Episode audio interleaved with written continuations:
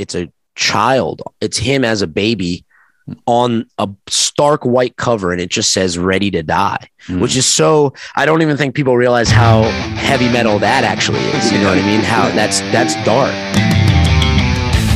Priest versus Maiden.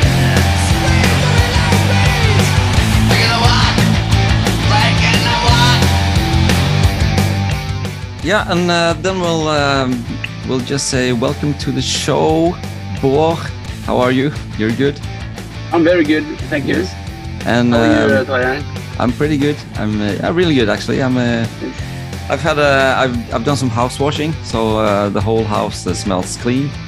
very good And listening to some groovy groovy music uh, while doing uh, while while doing the wooden floors.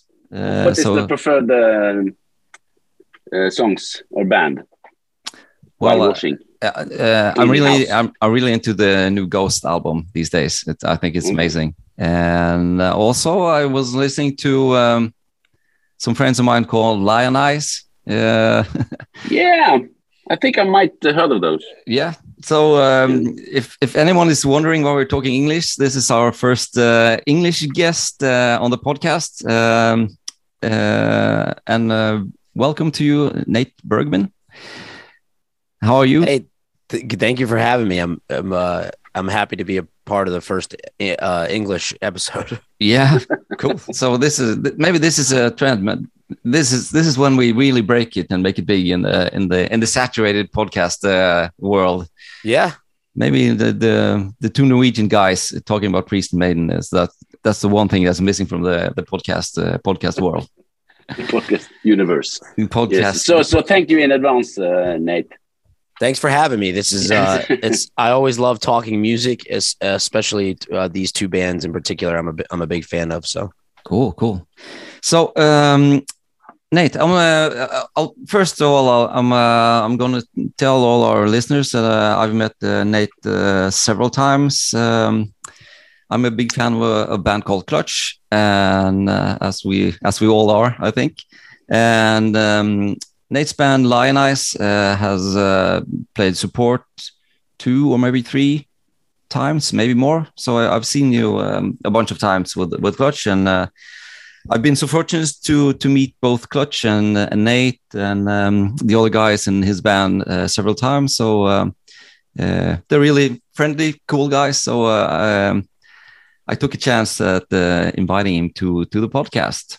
So I think we'll we want to hear more about uh, your your musical career in a little bit, but for all the thousands of new uh, English listening fans to the podcast, I'm just gonna uh, we're just gonna tell uh, tell you why we're doing this podcast. So I've known Board for probably 20 years or something, Board, Tw- 20, 25 something.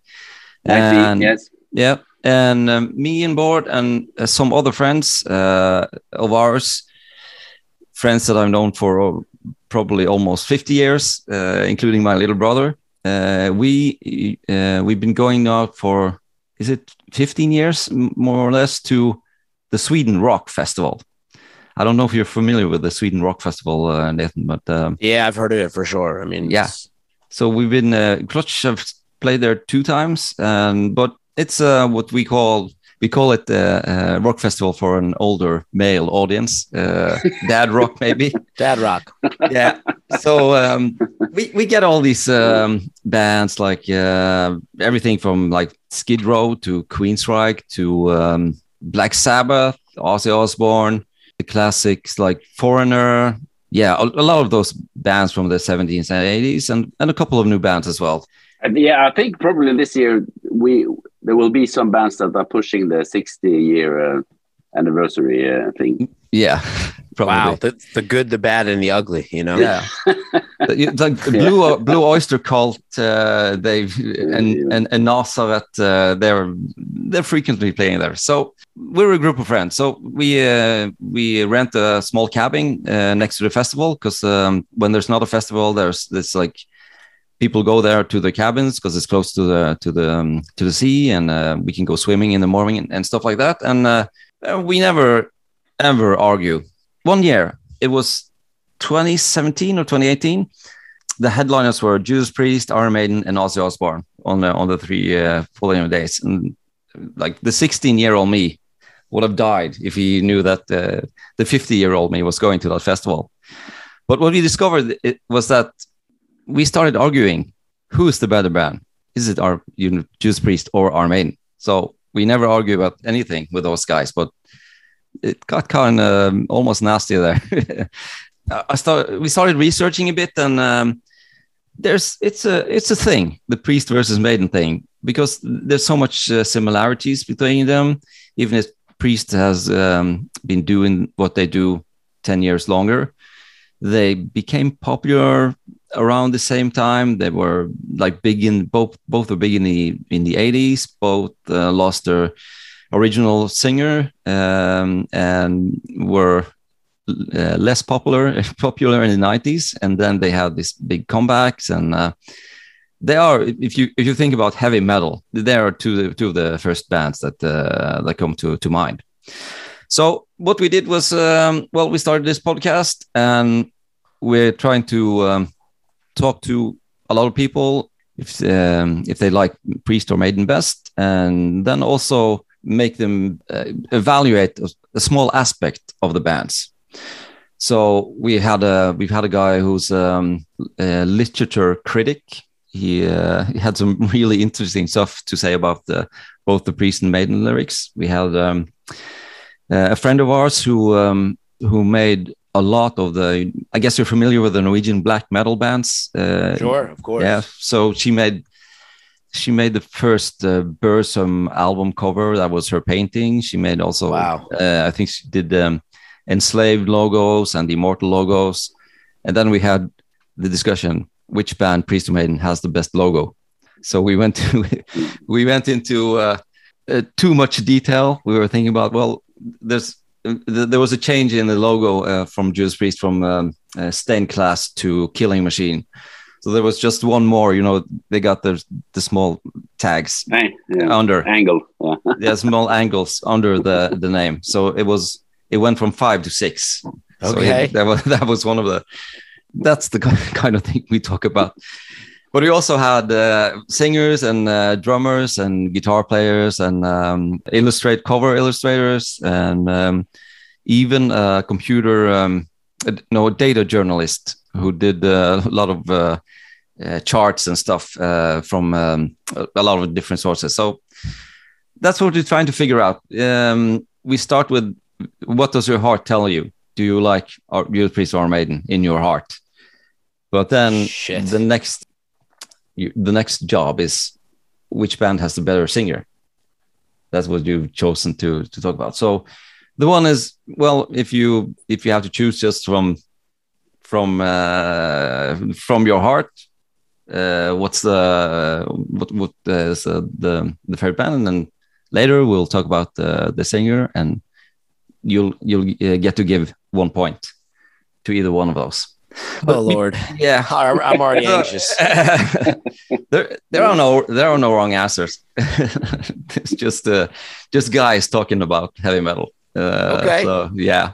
So um, but uh, can you just tell a little bit about uh, your um, your uh, musical career? Because I think I don't think Lionize is uh, it's not really well known in uh, in Norway, and and yeah, I got to show you. I got uh, I have to tell what I'm showing now. This is uh this is oh, an wow. album I bought from uh, the um, one of the gigs, and it's signed and everything uh, from uh, from uh, from you and the guys in the band.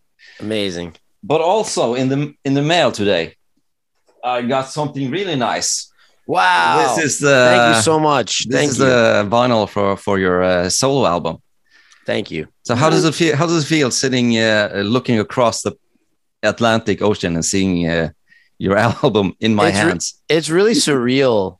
Um it's it's crazy. I mean thank you so much for for supporting it. Um cool.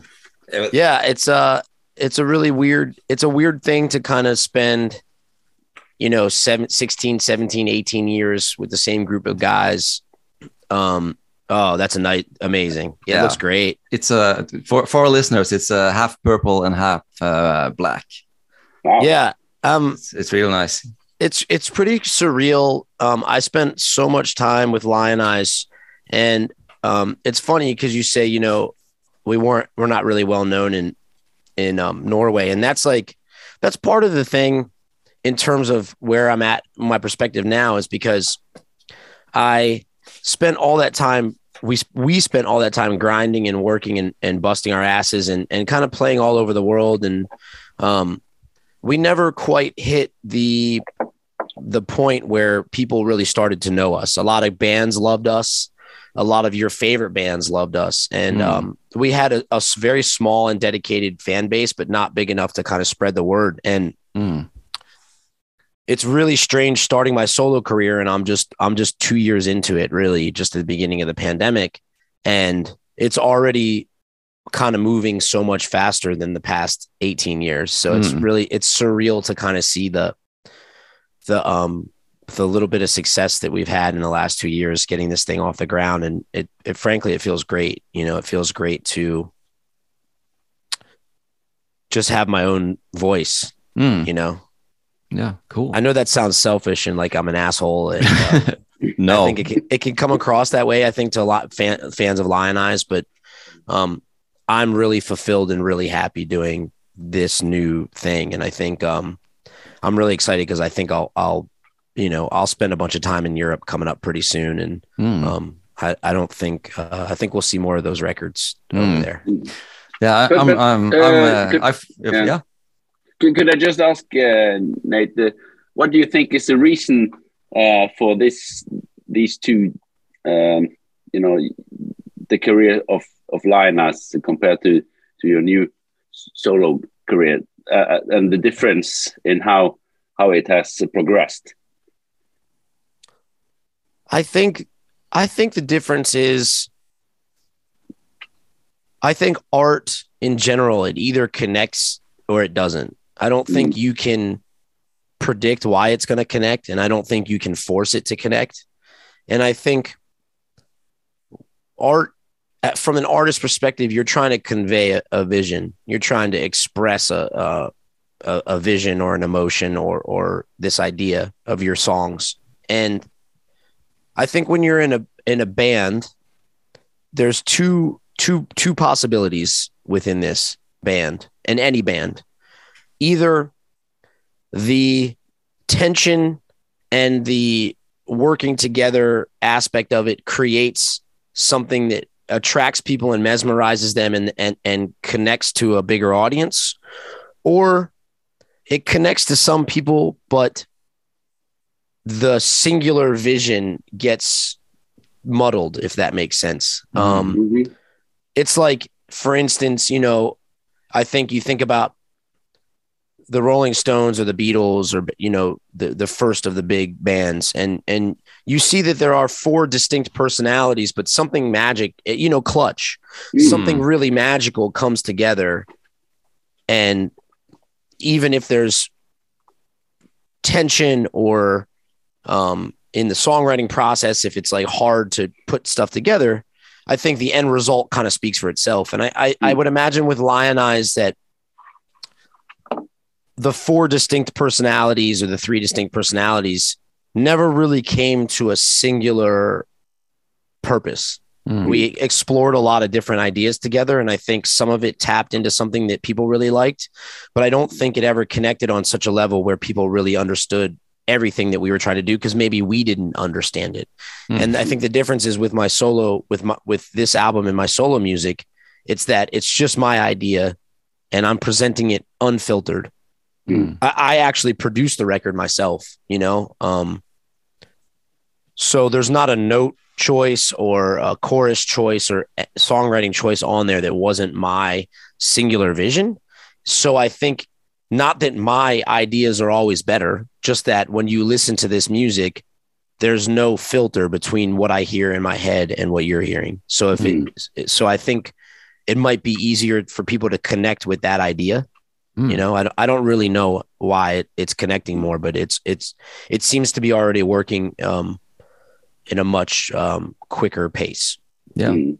And and uh, if I can add, uh, I've uh, I've been um, I've been on your or Patreon for for a while, and uh, during the pandemic, that was a that was a a joy to to uh, listen to the new songs, and you did a lot of uh, uh, acoustic live stuff. And uh, I, I, think the the things you do just with you and your guitar, and um, you have your um, uh, co-singers, backup singers. Yeah, yeah, yeah, yeah. Uh, co-singers. It, your co-singers. Uh, it, it, was really, it was really cool, and uh, and also uh, at a time where we, I, nobody could go much out. Like to have that uh, those songs coming and the it's uh, they're they're they're they're very much uh, like straight from the heart uh, the way I hear them from from you. So that one that was uh, that was fun. Thanks so much. And yeah. and uh, you know for Patreon we kind of switched halfway through. Um, just this year, I decided that I was going to make it a live only archive. So mm. we're trying to tape every live show that we do, mm. and then for five or ten bucks a month, you can we'll upload all the shows to the to the um to the hmm. archive. So then instead of kind of like, because it was at a point during the lockdown when I was writing and trying to get some of this new stuff flushed out and put together. But I feel like the that was a really special time. And now that things are opening back up, it, it doesn't feel as special to mm. do to do it like that. So I just switched it over. So now you can basically go back like you would with Iron Maiden or Judas Priest and try to find some of these old live mm. shows. So we'll have everything starting uh, this year just documented there. Cool. So the next thing uh, we we usually talk about is uh, how did you discover Priest and uh, Maiden in, in your I, I, guess in your uh, somewhat younger younger days, and we've mostly had Norwegian guests, so for for us it's, it's more uh, like a relatable um, uh, to uh, listen to other people that's grown up in the same country.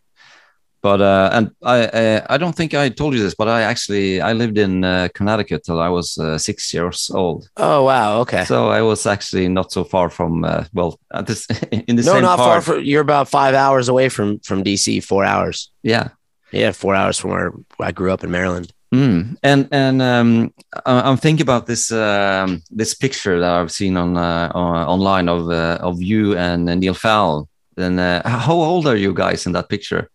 Whew, I don't want to date Neil's age, but I think he was 16 or 17. Yeah, there, and I I believe I was between six and eight. Okay, maybe seven years old, between okay. six, seven, or eight cool. in that in that world. Yeah. Um, yeah, so I mean, a quick backstory there is that my dad owned a little, a tiny seafood market, kind of not too, mm. not too dissimilar from like a Norwegian storefront with just fresh fish mm. in it, and you kind of go in and pay by the pound. Yeah. Um, and that was Neil's first real job.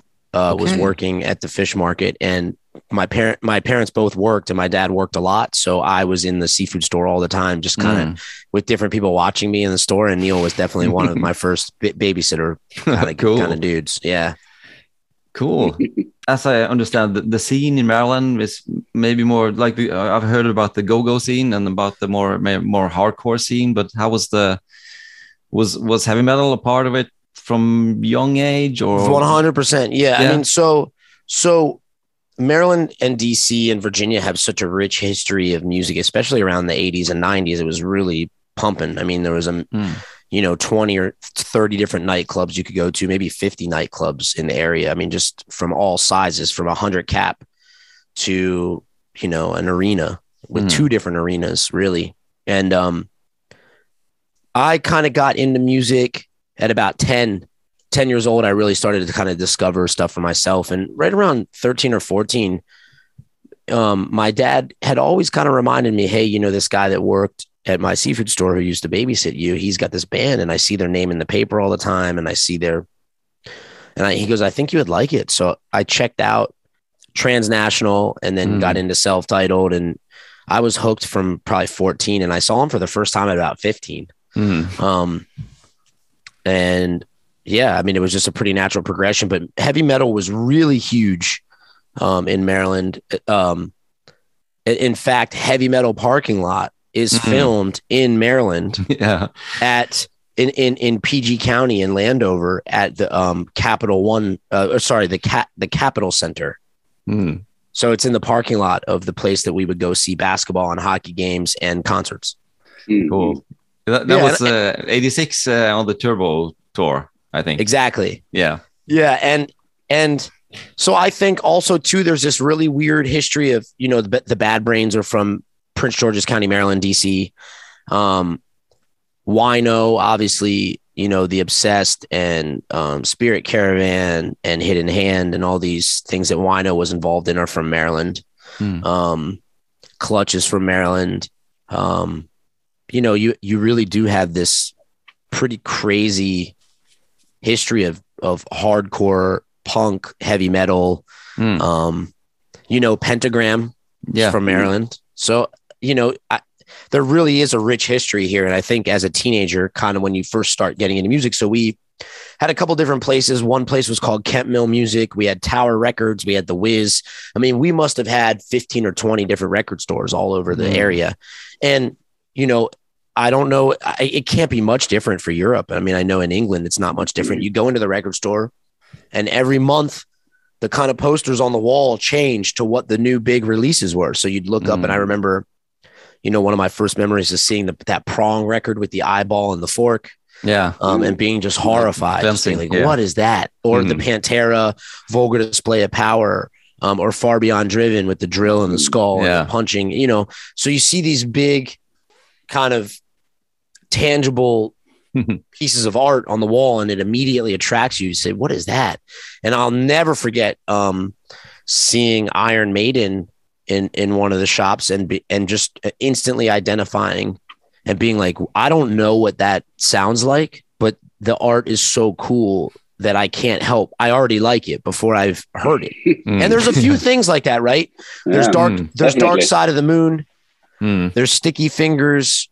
Mm. There's there's um there's paranoid. Mm. Um, uh, I'm trying to think.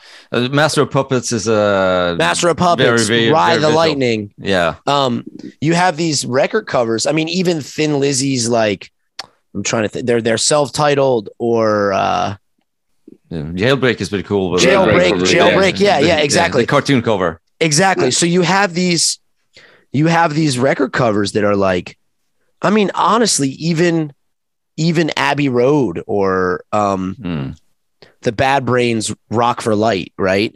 With the cap, it's yellow with the Rasta colors and a lightning bolt striking the Capitol. To me, that's the first thing that draws me to the. At, this point in my life, when I'm buying records in the store, that's what it's attracting me to Mm. the record. So I do remember very much seeing in two different stores. So, but also it wasn't just for new releases. It was kind of like Kemp Mill Music also had like the hip, young, cool. Maybe he's a kind of an asshole too, like the um, snobby record store Mm. clerk, the Yeah. guy who just had up his favorite stuff in the store. And I guess I'll never forget um, Screaming for Vengeance and Mm. um the trooper i mean just those posters in particular just they're in my mind forever you Mm. Yeah. know or or i mean any anything really too at that time that was formative like clutch clutches um clutches self-titled is so strange. Or elephant riders just like Yeah. what is that?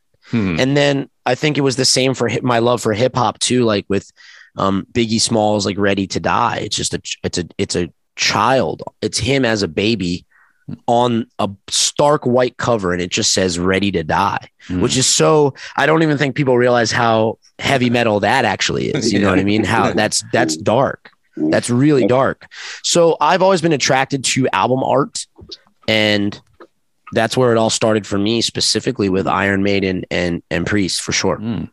Cool, cool.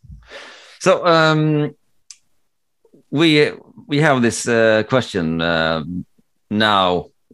If you have to choose one of those bands, just from like the whole impression and all your memories as a kid and a young guy, and all the hours of I don't know drinking beer and listening to those bands. If if you had to choose one, which one would that be? With your with your heart and yeah, you get to choose with your more analytical mind, and later on maybe. i'll say this my my heart and my mind say two different things yeah. This is really tough for me because Yeah. because both bands are do have they share so much in common Mm, especially vocally Yeah. especially the way the band plays mm, um I think I would have to say Judas Priest because I think there's a more I mean we can we'll get into the singing and stuff later, but there's Mm. such there's a much more punk rock looseness to it, right? There's a much more like from the gut, like this shit's about being bad and drinking beer and and fighting people and wearing leather and on its nose, it's much more fun. Yeah. It's much more um aggressive and it's much more in your face. Hmm. That's what my heart says. But Yeah. my brain, and as you get older, you start to realize that you got to use more of your brain than your heart in making decisions for survival purposes. And I realized that Iron Maiden is it's like Queen. It's Hmm. so operatic and it's so theatrical and it's so much more thought out. Every Hmm. little piece is like symphonic, including the stage presentation. Mm. So I think in terms of like what initially attracted me to either band, I would have to say Judas Priest was super cool. Also, you know, they were a band that was on Beavis and Butthead, and Beavis and Butthead were singing "Breaking the Law," and it became like a, it became one of the first memes yeah. of its Mm. time. Right, that was a thing. Mm. But then That's when you true. as you kind of look have you as you step back and you start analyzing the different pieces of it business wise show presentation Mm. and and subject matter now it's seemingly iron maiden was much more socio-political very much Yeah. earlier on in their career you know what i mean Mm. and and and they both kind of took on these really interesting facets with rob halford um, coming out of the closet and and and kind of proving disproving the idea that homosexuality equals uh, uh, feminine qualities, Mm. right? Because you had the toughest, most badass dude in the world, Mm. and I. It's funny how blind people kind of were to the leather chaps aesthetic because it's like Mm. that is a very um now we n- kind of understand that the whole time he was like Mm. hey i'm you know i'm a gay dude and i'm tough Mm. and i'll and i'll fuck you up like i'm i'm hardcore Mm. and then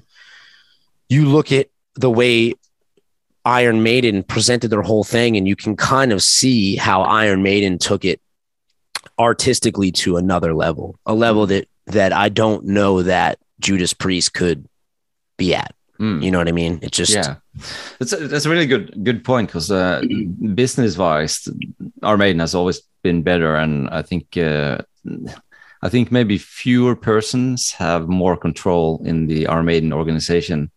It's, and referring to what you talked to talked about a little earlier, there's more like a, a singular vision, maybe in the in in the our maiden stuff that makes uh, it easier for more people to to connect uh, connect with it. 100%. And you can Mm. kind of see that. You can kind of see that Iron Maiden has I mean, it seems like Bruce Dickinson has a very singular vision for Mm. what it is. And Iron Maiden feels more like a team. Like a like uh it's this one uniform thing. Whereas when I think of Judas Priest, I think of Rob Halford. I mean, I know Mm. I know KK, you know, I understand that there the the the musical prowess in both bands, but I think it's kind of like watching a solo performer uh, with with Judas Priest, and w- when you watch Iron Maiden, it's really like a symphony. Just it's Mm. it's so I don't. It's hard. I mean, Yeah. it's hard to articulate. Really, Yeah. I, I under I understand the beauty of this show now because Mm. it's it. How do how, how do you choose? But if you had to choose one, yeah. I would say up until a few years ago, I probably would have for sure said Judas Priest. and then as I get older, I would definitely say, wow, Iron Maiden, that's there's so few things like that in the world. I mean, they're they're the only one left. Mm. In fact, they were the only ones ever maybe to put on a show like that. Mm. I mean, you have Kiss, but it's so so silly. yeah, that's that's true.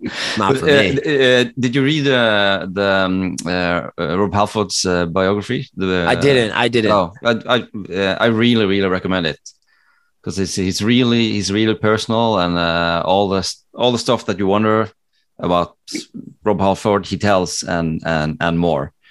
So I'm um, I'm a huge fan of Rob Halford, but but I I think I became an even bigger fan after I, I read the book. It's, uh, it's won't you agree, Boch?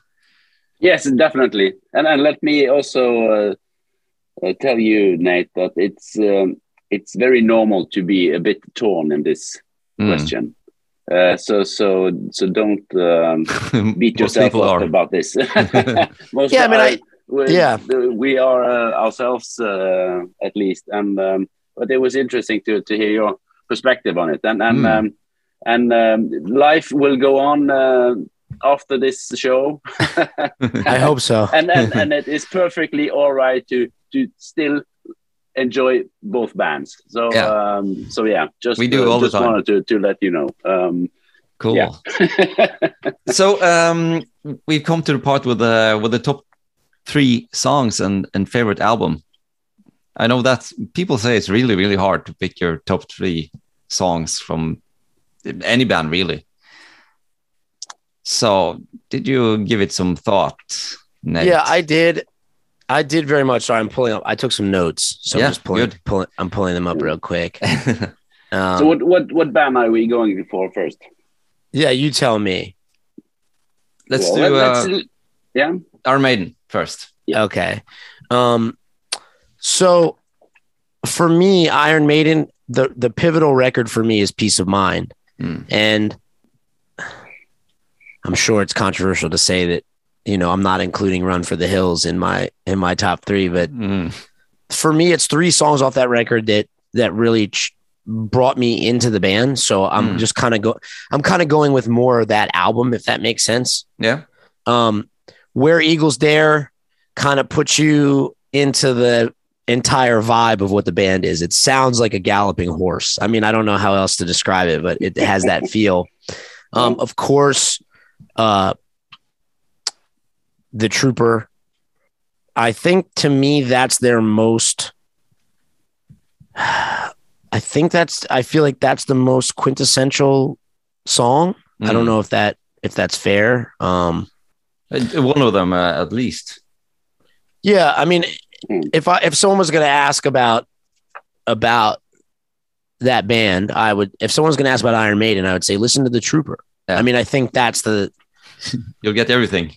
you'll get it all right. You get a bit of the operatic vocals, you get a bit of the cinema, you get a bit of the a guitar a guitar harmonies, Mm. um, the galloping beats. the galloping, and then and then Flight of Icarus off the same record is is Mm. to me just I don't know. That's Brilliant, brilliant Yeah. song. yeah. Um, yeah. Okay. So Uh, Is that Yeah. uh, is uh, we're, we're we're we're keeping records? So uh, at number three, three was Where Eagles Dare, and then number two and number one, you got Flight of Icarus as number one, or the other way around. Uh, sorry, the Troopers number one and Flight of Icarus is number two. okay, And I would say those are my top three. And I think that record in general is untouchable.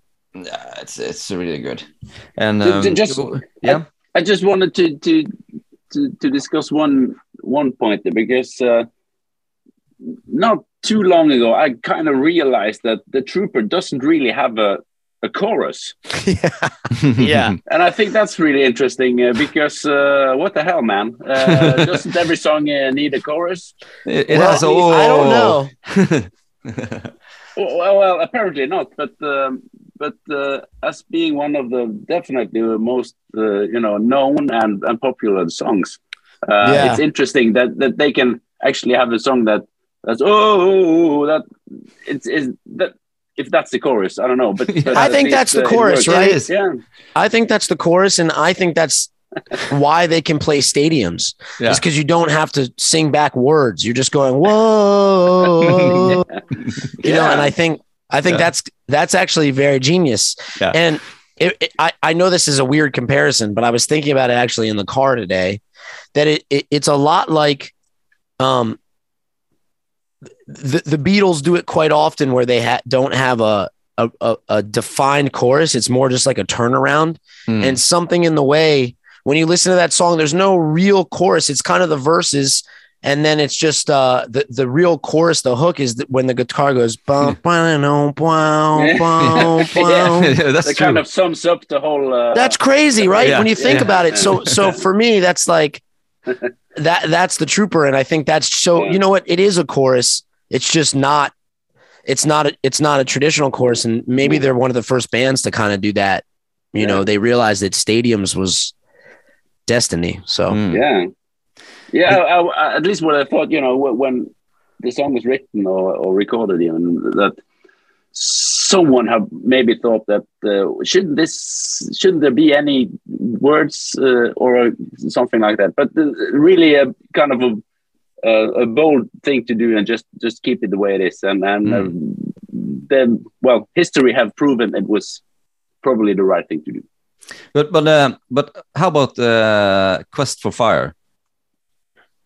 I mean, here here's the here's my here's my problem with here's my problem with this entire podcast is that there's no there's nothing even off their last record, the newest one. There's nothing where you're gonna say, "How about this one?" and everyone's gonna go, "Oh, that's terrible." It's all it's all good. They have at least a few good songs off of each record, which is so rare. You know, there's bands that went through 10, 20 year periods where they didn't Mm. have a, a good. I mean, arguably, I mean, we can get into this, but arguably, Metallica is one of those bands where, like, since maybe the Black album, they haven't really put out a record where you're like, that's a great rec. You know, that's amazing. Mm. Or there's ten, or there, or there's ten songs on the record, and four of them are just incredible. Just Mm. for me as as a fan, that just hasn't happened. Hmm. Yeah, because So we, we have some uh, we have we have some fan, some uh, guys who are big fans of Piece of Mind, but then not Quest of Fire. maybe maybe just because of the why why are the dinosaurs there? Why not? Well, why not? That's a that's a good you know, point. you say why, I say why. I Bruce Dickinson says why not. I mean, yeah. also why fly your own plane around? Why not? Yeah, why not? Why? Sure, sure. Uh, also, I, I I used to play in um, Iron Maiden cover band. And, oh wow, um, okay. and uh, I also I, I I play in like regularly in a heavy metal cover band, and I really love playing uh, Flight of Icarus. That, that's it's so fun to play, and um, and people react immediately by jumping up up and down. Every single person in the room, every time we start with Flight of uh, Icarus. But then Okay. when Eagles Dare, I as a bass player, it was it's pretty boring to play because uh, okay, are we done with this part yet? No, we're not done with this in a while. Okay. so, so so playing was, but uh, I like the song. uh, But it yeah, was I mean, just, uh, for me, the simplest, for me, actually, that song to me kind of shows you that they don't have to be so over the top with everything, and it can be very basic. It almost feels like a Thin Lizzy song, you know, in that in that Mhm. weird way. mm. So, yeah, I, I, I th- those are my three, man. I, Cool, I stick cool. by them. I think that Yeah. record is untouchable. it's it's Yeah, a yeah, it- yeah. it's a, and then you even uh, included the the only real uh, drum intro uh, Yeah. of uh, Iron Maiden. Yeah, and I mean, I don't know how you. I mean, I don't know. I don't know how you leave Nicko out of the discussion. You know, like he's from another planet. I mean, that's just like it, it. He's the first example, really, of. I mean, to me, him and and and Neil Peart are the only two guys that are doing what they do at the time. I mean, maybe Neil Peart is more technical, mm. but not much more, right? I mean, I don't Well, know. I don't know. But yeah, it's, Um, but it's also it's it's it's it's a great way to introduce yourself as a new drummer. Just uh, Yeah. come in and do the fill, and that will be your like and and and Yeah. and it, and staying your signature for Yes, yes. all those years. And and um, uh, Scott Travis did the same when he came into Judas Priest with the painkiller intro. Huh, and that's that's Yeah. also on my that's also on my that's also on my list. Sorry, I love let's, drums. Let's let's let's, let's I love- on to Judas I do then. love drums. I do love the drums. I'm very jealous that I was not a drummer. If I, if I have one regret with music, it's learning how to play the drums because Mm. drums that's the first instrument, right? I mean, that's like the Mm. oldest instrument aside from the human voice. It's drums. Yeah, So something Mm. very something very primal about when you hear Like I Well, can tell you, I can tell you now, Nate, that uh, Bo here uh, is um, an accomplished drummer, but also a bass player and guitarist, and he sings pretty good as well. cool. So yeah, you should Yeah. uh, you should check out his band. It's called Magic Touch with uh, Okay. Magic with the with a CK at the end of Magic. So I think, Cool. I think, Yeah. uh, uh, I think is this your second album that has the sticker with uh, for fans of early Dokken. Oh wow, it's that's it's the- cool. Yeah, That's That's cool. the third one. Yeah. Yeah, that's and the third just, one. That uh, was the just to put on a sticker for fans of early Dokken. Just I have no problem with Don Yeah. Dokken. I'm a No, no. I like No, Dokken. no. Well, co- yeah, coming back to, to the heavy metal parking lot and everything. But uh, yeah, Yeah. thanks, uh, thanks for the shout out, uh, Tara. And, Yeah, and, uh, sure. You should enjoy it. But uh, uh, what I was uh, thinking about is uh, mentioning Nicko. Now he's well into his 60s. So, so if you start learning drums now, Nate, you still have a lot of years ahead uh, as a drummer. As a drummer, still. Yeah, I mean, I th- if I start now in 30 years, I'll be um, not anywhere near as good as he is, and I'll be at his age. So it, it seems like a futile. All right. Seems a bit futile. I, I was just trying to keep uh, the positive tone. PMA, I like that. I like that. Look, I'm not gonna not try it, but it's you know. yeah. And I also feel Sure. like without without Nicko, you don't have guys like Brann from Mastodon. You know Hmm. that doesn't exist. He without Nicko, there is no him, yeah. So- and he's like my favorite metal drummer now. You know. hmm. Cool. Yeah, it- there definitely are some some similarities uh, there to how they approach their uh, Mm. their style. Yeah. Yeah. absolutely interesting. But Yes. uh, let's let's move on to the to the priest uh, top three, please. Okay, so you've got another thing coming. Hmm. I think is my ultimate. That's my Mm. number one. I think that's the, I think that's the juiciest, and I think this is what separates these two guys as singers is that they're both rock singers and, and metal singers, metal vocalists, and then what Rob Halford does that Bruce Dickinson doesn't do, especially in this song, is a perfect example. It's almost like R and B vocals. It's Mm. almost it's got a swing to it. It's Mm. it's bluesier. It's more uh, funky without being funky. You know, it's got a, a real blues thing to it, and you don't really get that from Bruce. Now, what Bruce does is totally different, and it's more theatric and operatic, which Halford also does. But vocally speaking, this is my shit. You've Mhm. got another thing coming is so I mean, it's almost like it's almost like Otis Redding singing heavy metal, you know. it's that it's that real it's really eh, in between the notes and the measures swing and it's lazy and awesome and I'm way into it. And it almost sounds like the kind of the first punk rock singing a little Yeah. bit, you know, it's like in that in that vein. Mm. Um Mm. number 2 is Painkiller Hmm. also also because of um the drum intro and because of the controversy surrounding the song you know in the in the united states it was a huge at that time censorship was a huge deal they were fighting to kind of censor certain records Mhm. al gore and his wife tipper gore were the reason that they have those parental advisory stickers on Mm. on albums Mm. and they really tried really hard in congress to shut it down and you know i think the band got sued over a suicide over the over Yeah. that song That Um, was that was actually uh, another song. I think that actually was uh, the Spooky Tooth cover on Stained Class. oh wow okay So that does not it doesn't make any sense. But it was yeah it's not even their it was- song No, but I, I do remember they were referencing painkiller in Mm. in some of the um congressional Mm. stuff i believe in Mm. terms of like being encouraged people being encouraged to kill themselves and Mm, just Mm. lunacy yeah. Um, but I do love that song, and I think, I think it kind of there's a deep, once you know Rob Halford's personal story, it's kind of a more layered and deep, deep, more deeply personal thing. Mm, yeah. And I don't think you get a lot of that with Iron Maiden. I don't think you get a lot of deeply personal stuff. I think you get storytelling, mm, where I think a lot of Judas Priest is is autobiographical. You know, it's it's from Mm. Rob's perspective. So Painkiller is really that's one that I love. Um, I love the drums on it. I love the guitar and the vocals are just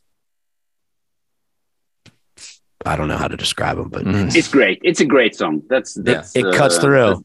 Yeah, absolutely. And then um, I'm gonna be real cliche here, but I think there's a reason it's a, a hit for them is uh, "Living After Midnight." I think it's a Oh, party yeah. anthem, and I think as a musician for my whole life, I can kind of relate to the lyrics more more Yeah. than I can relate to the pl- you know th- um uh, a historical invasion of a of a, a country. Yeah. I can in, I can relate more to living after midnight. Mm, yeah.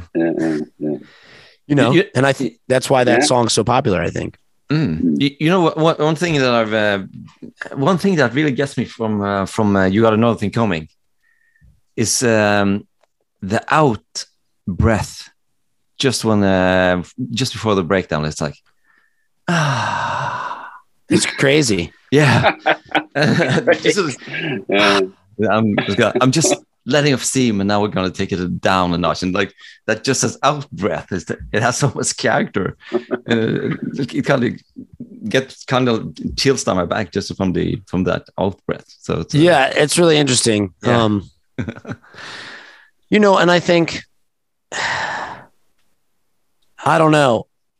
You can look at the song from a bunch of different perspectives. Um, Mm. I just think I just think that Priest kind of does this thing where it's really it's really hard. It- It's so universal. mm, You know what I mean? yeah, the, the, the they're not trying to the lyrics aren't trying to educate you mm, no, or tell this fantastical story or the or come from the perspective and and listen i love um storytelling songs. I love history. I love the fact that you know both a band like thin lizzy and a band like iron maiden talk about the plight of the native american Mm, as a representative of all downtrodden people across the world. I think that's in music and in art, that's hugely important. mm, But also sometimes you just want to drink a beer and Yeah. get fucked up mm. and talk about, you know, rocking to the dawn. yeah, yeah. And that's like that's the dichotomy, right? That's what you yeah, that's kind of the that kind of to me sums up both bands. You know, Mm, Iron Maiden, it's it's more of this theatrical presentation, and you're gonna leave there like it's very heavy. A lot of it, you know, the, the lyrical content is very heavy, mm, and I think Judas Priest more times than not is just it's just rock and roll. Mm. Mm. One of the one of our first guests, um, uh, a guy called Kim Holm. Uh, he does um, cover illustrations for um, for a lot of bands. He um, he actually uh, uh, told uh, he told us that you should listen to um, side two of Sin After Sin uh, by Judas Priest as a mini concept album Wow. because um, it's uh, those four songs are are connected and you know the the raw deal song uh, on sin after sin i don't know how familiar we are with the with the 70s uh, priest uh, stuff but Yeah. that's that's where he like he references uh, the denim dudes and the leather boys and uh, fire island uh, new york uh, and Wow. was- okay. And kind of no one no one really picked up on it for like 20 years. Yeah, there, were- there was a. That's actually uh, in his book. There's a guy at the signing. He says, "Yeah, Fire Island, yeah," and then they knew that they had something in, in common. So I heard this really crazy story, and I I was really excited because I I've not been able to really t- tell it, but Mm, and again I'm hearing this story secondhand, but it mm, um very early on, Lionize recorded at a studio called Sheffield Studio, um, north of Baltimore, in Maryland, mm, and I think at some point Priest was looking to do a record. This was a full. It was an old school studio. I mean, huge A room, B room, C room mm, and a lot of 80s metal was recorded um, there. Mm. And the story goes that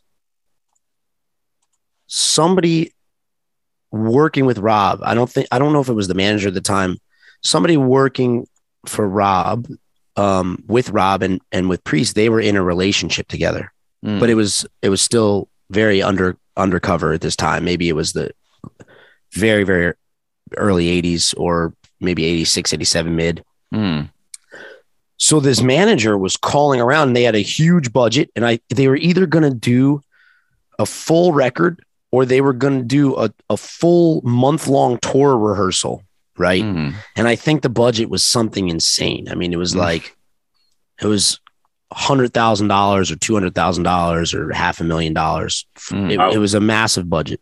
mm, So the studio manager, and we heard this from a guy who interned, he was in his 50s at the time, and now, But at the Mm. time, he was an intern at the studio in Baltimore. So so the manager called uh, somebody that was working for the band called the studio and said, "Hey, you know, we're looking to get Judas Priest in here for this recording session." Mm. And I guess the guy who booked the studio at the time, or the owner of the studio, was like, made some really shitty joke about Rob being hearing that Rob was gay or rumors about him being gay in a very derogatory way. Hmm. And he said it to the guy who Rob was either intimately involved with or very, very close to who Hmm. knew. And they lost the contract from it. You know, Oh. he was like, he was like, well, we're not work, you know, then Yeah. you know, he, he went nuts on the guy and he was just like, you, you can't talk about people like that. And they Yeah. lost the contract from it. So I am Yeah. going to check out the biography now because uh, I'm imagining there's a lot of stories like that in there. Mm, yeah, it- it's it's re- it's really good. Wow. So um, moving on, uh, Nate. So um, I uh, I was I was thinking um, I was thinking uh, if how I could describe you as a as a singer. So um, I've been uh, listening to Uh oh. yeah, I've been listening to uh, Lionize for for many years, and I've seen you live, and uh, and also your uh, your um, solo stuff. And what I, what I'm what I'm hearing is like it's, it's, it's the soulful rock singer. That's uh, that's what I would uh, call you. And um, if, if if I'm thinking about soulful rock singers, there there uh, there are two that comes to mind, and uh, they've both been in the same British band, and I'm uh, and I'm thinking, well, you don't sound anything like them in particular, but I thinking I'm thinking um Dave Coverdale and Wow. also Glenn Hughes. I'll take I'll take either. Yeah, I think you, you get you get that kind of um, uh, soulfulness and also power in in your voice and and also um, in uh, in Lionize there's um th- there's a fair use of uh, the the Hammond organ or or or, or keys at least Yeah. and also that also contributes to the more like Deep Purple Whitesnake vibe also. So um, you're you're happy with the you're happy with that. Yeah, I mean, I I consider myself a soul singer. I love soul music. That's what I grew up listening to. I mean, Mm. all my favorite singers are soul singers. Hmm. Um, you know, from Otis Redding, Sam Cooke, Etta James, Van Morrison, Joe Cocker, David Mm. Coverdale. And it's funny that you say David Coverdale because this is also I bring this up on a lot of music podcasts and I, I catch a lot of shit for it. But Deep Purple's "Come Taste the Band" is one of my favorite. It's it might be my favorite Deep Purple record, and Mm. everyone goes nuts about that. I'm just like, Mm. Tommy Bolin is so underrated and good on the guitar, and David Coverdale is just singing his ass off, and it's Mm. like that's that's the I want to hear that soulful, funky, groovy thing, and I Mm. that so yeah, that's I appreciate that. That's Cool, cool. You got a good That ear. album is absolutely on my top three Deep Purple. Uh, albums. Absolutely. I mean, look, So, yeah. space space trucking. I, I- I'm I'm all about Mark. I'm all about Mark One and Mark Two. Mm. But dude, Yeah. come Yeah. taste the band is love. The intro to Love Child is so crazy. It's up there with Zeppelin and Sabbath for me. You know Yeah, that riff in Seven is just that's it for me. absolutely. Cool. Uh, yeah, yeah, yeah, yeah. But but um, I, I totally agree with you, um, um, uh, in the description and and that whole classic rock uh, purple. Also, you can definitely hear the the Lizzy vibe also in in Lina. So I think the voice. Yeah, uh, is- big- is big really, Lizzy uh, fan. oh yeah. Me too, uh, but um, I think that's a very good, uh, um, you know, description of, of how the, the, the voice of Mm. Nate is is uh, kind of um, Mm. making its way in that um, in in the Lionize music and in the I, classic. I rock, appreciate uh, that, guys. Mm. I mean, I really think music is kind of either soulful or it's not. You know what I mean? Like, Mm. and I don't think it has to be soul music. I just think it either comes from a place of of the gut or it or it Mm. doesn't. You know what I mean? And that's Mm. like, I, I think both Iron Maiden and um, Judas Priest are quite soulful in Mm. in their approach to to music making. So Yeah. especially the vocals. Yeah, cool. So uh, you just uh, you just uh, listed up some of your your your favorite uh, your favorite uh, singers uh, and uh, a lot of soul singers. So um, so what is it that they have in common that you you can't say soul, but the or you can't say soul uh, if you if you want to. But I think- what, I what, what they do, yeah. have, do they have in common that um, makes them appeal to you so much? I think the thread is they swing. I'm Mm. attracted to music that swings. You know what I mean? Like Ginger Baker, you know, he Hmm. swings. Cream swings. Um, Zeppelin swings. Sabbath swings the hardest. Yeah. Um, I Yeah. I love I love music that swings, and I think soul swings vocally. The delivery is very loose Mm. and very um like this as opposed to like this, and Mm. that's uh, I'm very very attracted to to the swing. Mm. Mm. So so um so we'll be uh we'll be hearing uh who has the most swing of uh, Rob Halford and Bruce Dickinson now. It's Halford. It's Halford. It's Halford? Yeah, I Yeah. mean, just like just like you got another thing coming, like I was explaining before. Mm. It's like it's soulful. It's its approach is like this, not like this. Mm. You know, it's it's hard to. It's just it's just you can imagine if the if the guitars were pared down a little bit, Mm. you can imagine it like a like a like a soul tune. You know, you can imagine it. It's almost like this weird Motown sort of delivery. I know that's crazy, but. Yeah, I'm I'm hearing now. Actually, I haven't I never thought of it before, but I'm uh, some da da da da with the with Yeah, the I mean, that just to like me- uh, the the Yeah. of it. Yeah, it's like the, the- are the vocals like da da da da da da da da da, or is it like da da da da da da da da da da da? Like Mm, it yeah. swings. I don't know. Yeah. It's to me it swings, and that's like I'm really attracted to that. Mm, Um, you know, and I think, I mean, shit. I I think a guy like Ozzy is the perfect example of like it's kind of, it's kind of pre metal, but it's it's metal Mm. and but it the vocals. Ozzy's a, is a soul singer. He's an R and B singer. I mean, any way you Mm. cut it, it's like, you know, and I think that's like, I think without like Otis Redding or O.V. Wright or Screaming Jay Hawkins or Howlin' Wolf, I don't think you have what they're doing vocally. Mm. This, is very interesting, Nate, because uh, a lot of people would claim that uh, the farthest genre from heavy metal is soul. Oh no, that's so crazy because it is because the thing is, right, when you to me, right, just when you're looking at the etymology of it all, at the Mm. roots of it, like eh, this is what I've always said too about like um America and England in terms of music, right? Like we invented um well they kind of invented like Irish folk music and then we kind of had um African folk music and then those two things kind of melded and became blues and jazz and soul and R&B. And without the blues aspect of it, you don't have the heavy metal. I mean, Mm. you just don't. You don't cuz it came blues then rock then heavy metal, Mm. you know? And and Sabbath and Priest and uh, early Iron Maiden and uh, Deep Purple, those are the bands that are kind of in that weird Mm. melding point, you know?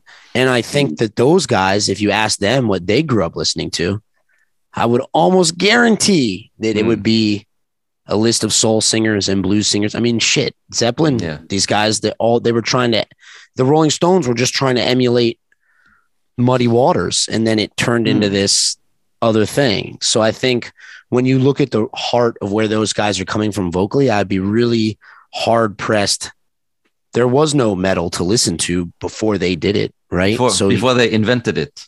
exactly. Yeah. So where are they coming from, right? What are they growing up in England listening to? Mm. I, I know in the I think they called it it was uh, the Great Blues uh, explosion or something. There was a lot of uh, um, British blues bands uh, in the Sure. sixties and Sure. early seventies, and I think that was where um, like uh, Judas Priest and Tony Iommi they, they went to, to see those Right. bands and and learn their their their chops from from them. That's it. That's Yeah. it. And and and look at Dio. Dio was in a in a doo wop group. Yeah, Yeah. He was in a pre rock and roll vocal doo wop.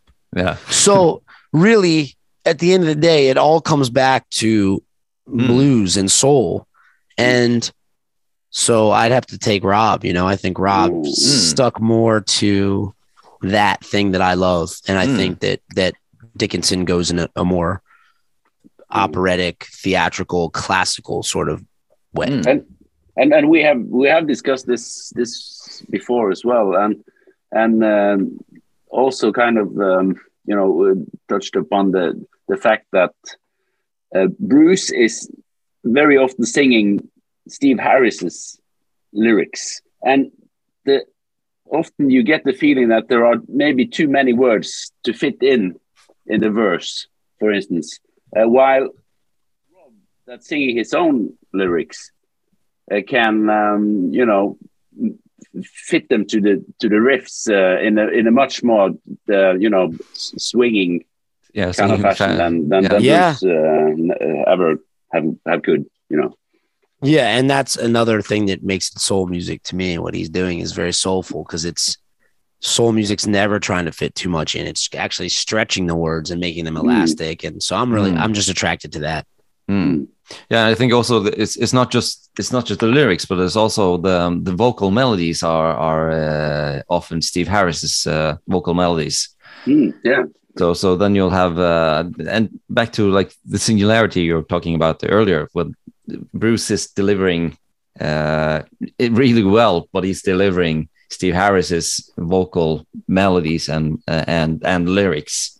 Right. I mean, yeah, That's, yeah, uh, I don't know. I, I it's, it's kind of like, I don't know how to, I mean, it's really fucking me up. The further we delve into this, it's just really screwing with my head. because I think about it and I think about it in like a weird like it's like pizza or something. It's kind of like Iron Maiden is like a supreme. It's everything. Mm.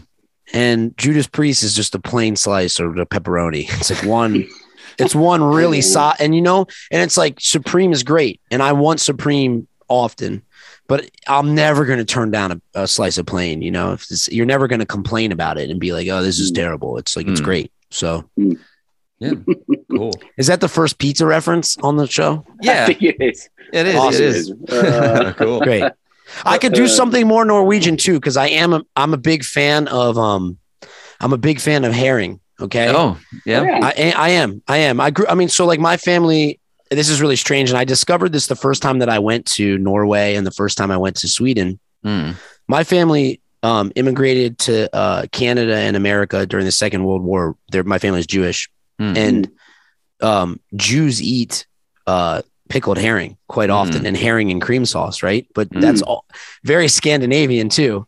Mm. Yeah. So I would say I would say that maybe um Iron Maiden is is herring in a pickled cream. It's in, in a nice cream sauce Mm. and it's very rich and decadent and it's very good and you want that. It's you're never going to say no, it's great. But Judas Priest is pickled herring in, in a very subtle wine sauce with with peppers and I think Mm. that's the that's for me that's I'm never turning it down. I'm always going with that. Is that, Very is that, nice. is that very nice reference Uh, very, Okay. very good. We Yeah. actually, we actually bring some uh, some uh, pickled herring to the Sweden Rock Festival. So, oh, I love uh, it. in I the love it. I morning could eat it all day. Yeah, we we have, we'll have some uh, some you know the the Norwegian liquor, the aqua, aquavit. Very much. It's uh, so that that goes very good with the with the with the herring. I love that. Mm. Um, I love that. And um, I don't know what the dense, very dense brown um bread is. It's very Oh yeah, the. Yeah, the, yeah, the the pumpernickel. Uh, little pumpernickel, a slice Yeah. of pumpernickel, a couple pieces of pickled herring on that bad boy. Ooh, that is yeah that is a treat. That's soulful right there. I yeah, that. yeah. I I I, um, uh, I always have that when I go to to Copenhagen because they're, they're they're really good at, at that stuff.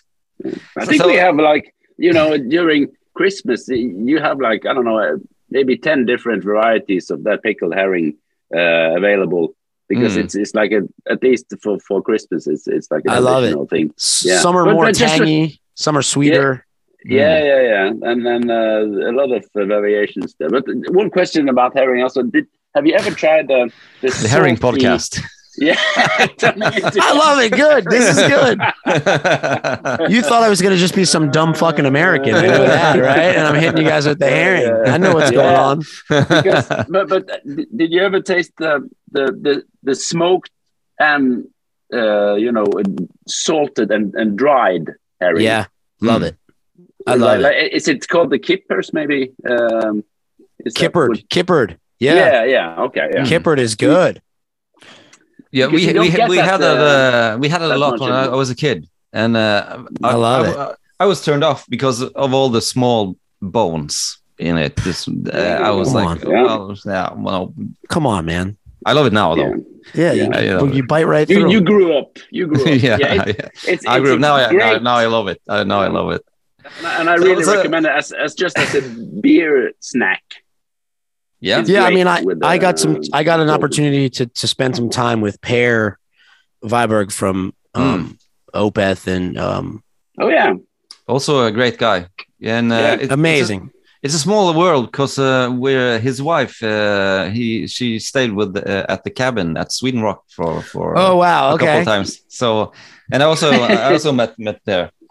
You remember Yeah. uh, Aaron? Um, uh, yeah, yeah, Yeah, sh- yeah. she's great. He's amazing. And when we Yeah. were on, when we were traveling together, my first solo shows in Sweden, he kind of came along with me and Mm, helped me do the tour. And uh, cool. we ate a lot of herring. That's good. great. I, uh, but uh, let's just uh, let's uh, just get a little bit back to Rob Halford from the from the Yeah, herring, yeah, okay. and uh, before we uh, before we wind down here. So, um, um, do you have any favorite vocal performances of uh, of Rob Halford or, or Bruce Dickinson? So, um, songs can't- jump yeah, out. I thought about this. I mean, my top three are are those are the top three that I picked for each one were, were Yeah. really also my favorite um, vocal performances, and Mm, it's so tough. It's so tough to choose. I mean, it's just yeah. So there's so, not a, uh, there's not a bad vocal performance, and that's what makes those guys those guys. You know. mm. So, uh, what, what about the, the the live setting? Have you Ooh. seen Priest and Maiden? Never, Never either of them. never. Wow. Yeah, I've always Oh. been on tour, or Yeah. it's just been an inopportune time to to go check them out. But Yeah. I'm hoping to change that. I know Priest is going to do another round coming up real soon, and I'm going to try to Mm. see it. I've heard, I've, I've heard live. It's just out of control. It, he, he's still so good, Rob. So Mm, yeah. So then, uh, yeah. So, uh, then you haven't. Uh, then you can't say which which guy cuts it best uh, live either. We can fill in some of it. uh, right. I mean, look, I mean, look. I think at the end of the day, I've heard hours on YouTube. Mm, I couldn't pick. I truly couldn't pick. yeah. I, I mean, the It's fact a- that Bruce Dickinson doesn't get winded down Mm, and he's running all over the stage. I mean, running. yeah. I don't know. Maybe that's more. He's more athletic. You- but you Rob have- Halford's holding these long notes and and and his it's so high. yeah. So uh, I don't know. They- They're I- I both uh, old, or not old. They're they're, they're grown men. I thought I was going to be closer to a conclusion by the end of this podcast, and now I'm just f- further into the division. Yeah. down the hole. Yeah, So- and then remember, you know, uh, Halford also packs. I don't know, uh, uh, uh, ten pounds of uh, of studs and uh, and stuff like that that he's carrying around. Uh, Giant leather jackets. Yeah. Yeah, sweat. Yeah, yeah. I mean, So yeah. you, you need to be uh, fit to, to do that as well. but to be fair, Dickinson's probably doing three costume changes. So Yeah. Yeah. Yeah. who knows? He's got Well, well- sometimes he has like bulletproof vests on and Yeah. army army gear. Yeah, who knows? But Rob is no stranger to costume changes either. No.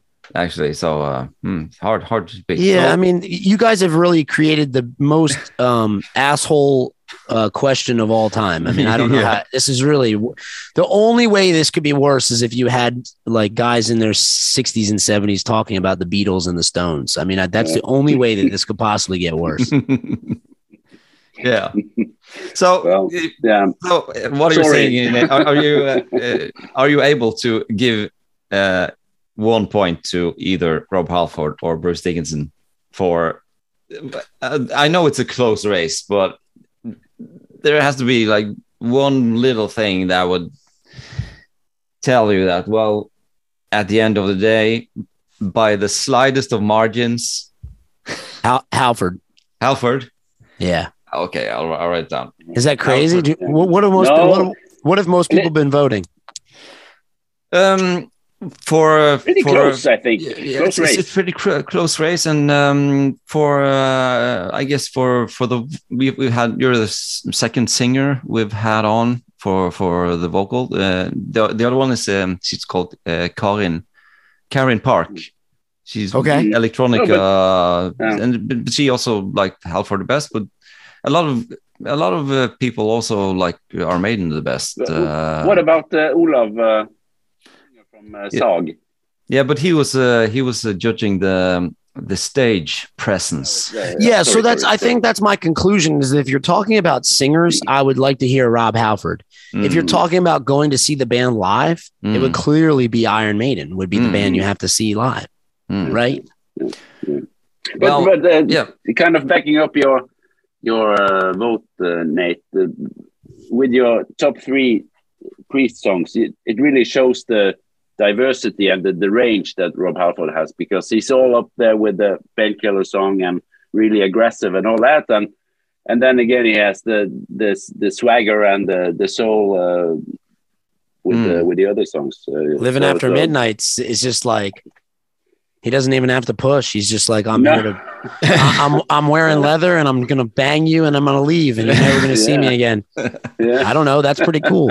But but but, but also It a, a, a thing with the with the Rob's uh, uh, vocal is that sometimes it's not that hard to sing along.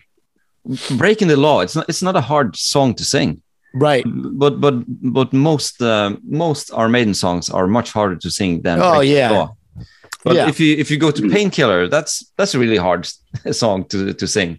I agree. So, so um, he also has those. Uh, well, I in in, uh, the cover band, I also I, I do breaking the law, metal gods, living after midnight occasionally, and of course. I'm not I'm not a great singer, but uh, I'm I'm able to do it without mm, shaming myself or Rob Halford. I'm excited I to hope- hear it one day. yeah, I, I I could send you some YouTube clips, but I'm not sure. Please I do. will. Yeah, yeah, yeah. Do it. I'll, I'll do it. So um, I actually Cool. have a podcast. It's who is who has a better Iron Maiden cover band and Judas Priest cover band singer. And I'm gonna have you guys on, and you can tell me. yeah, Very funny. Yeah. we'll, we'll come, we'll come. Um, Well, well, um, Nate, this has uh, this has been a, a pleasure. Uh, I love this, guys. Thank you so much for having me. Yeah, and uh, and especially seeing you seeing you again after after all these years, and It's beautiful, man. And I'll be over to I'll be I'll be your neck of the woods pretty soon. yeah, and uh, I'm, I'm hoping you're coming to Bergen. Uh, then if you come to Bergen, me and Bo will be showing you all kinds of uh, hospitality. We we live pretty close to all the venues, and uh, I have a great friend who lives in the UK now, but she works for um, Orange Amplifiers, and her name's Yeah. Ella Stomark, and um, she's from Bergen. okay, So Oh, yeah. I've al- I've always uh, asked her to when I'm over there to give me a tour, and if she can't, Hmm. um, I'm going to put it on you guys to show Yeah. me around. And I That'd want her- I want herring. You're Oh, gonna yeah. get you're gonna get a, a lot herring all day. all right. So um, again, thank you, uh, thank you so much, and uh, Yeah. thank you for some really good uh, perspectives on uh, on uh, and, and a lot of things that you summed up with Judas Priest and Iron Maiden in, in the start of the podcast. There's a there's a lot of things that I've, I've really not uh, articulated for myself in my head, but Oh. when, you when you um, uh, when you described it, it's like yes, this this makes really sense but it also it also makes it more difficult to see which one is best because they're both good but they're good at different stuff.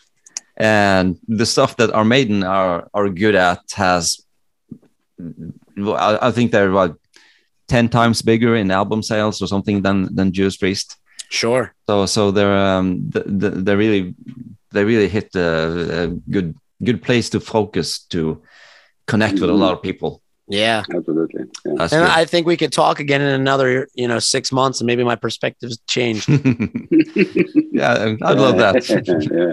yeah. I hope to see yeah, you guys really, really nice uh, talking to you, Nathan. And uh, Oh, pleasure was and, mine. meet, meeting. So uh, hopefully we'll we'll uh, meet again somewhere, and, and especially if you come to, In to Bergen, parts yes. of the of the world. Then I'll, yeah, uh, and I'm gonna go check out be- Magic Touch right now. I'm gonna walk my dog and listen to uh, Magic Touch. Yeah, Yeah, that's uh, the cool, cool. And um, maybe you, you you said you'll be coming to Europe. Is it uh, something you We're working- about, or We're it's- working on it right now. You know, Okay. we're working on it right now. But in the meantime, you can go check out, you know, Nate Bergman sings or um, and thanks for ordering the record again. I really appreciate it. Mm. And I will definitely see you sooner than later. Yeah, cool. All right, bye very bye. Take care. right, guys, take care.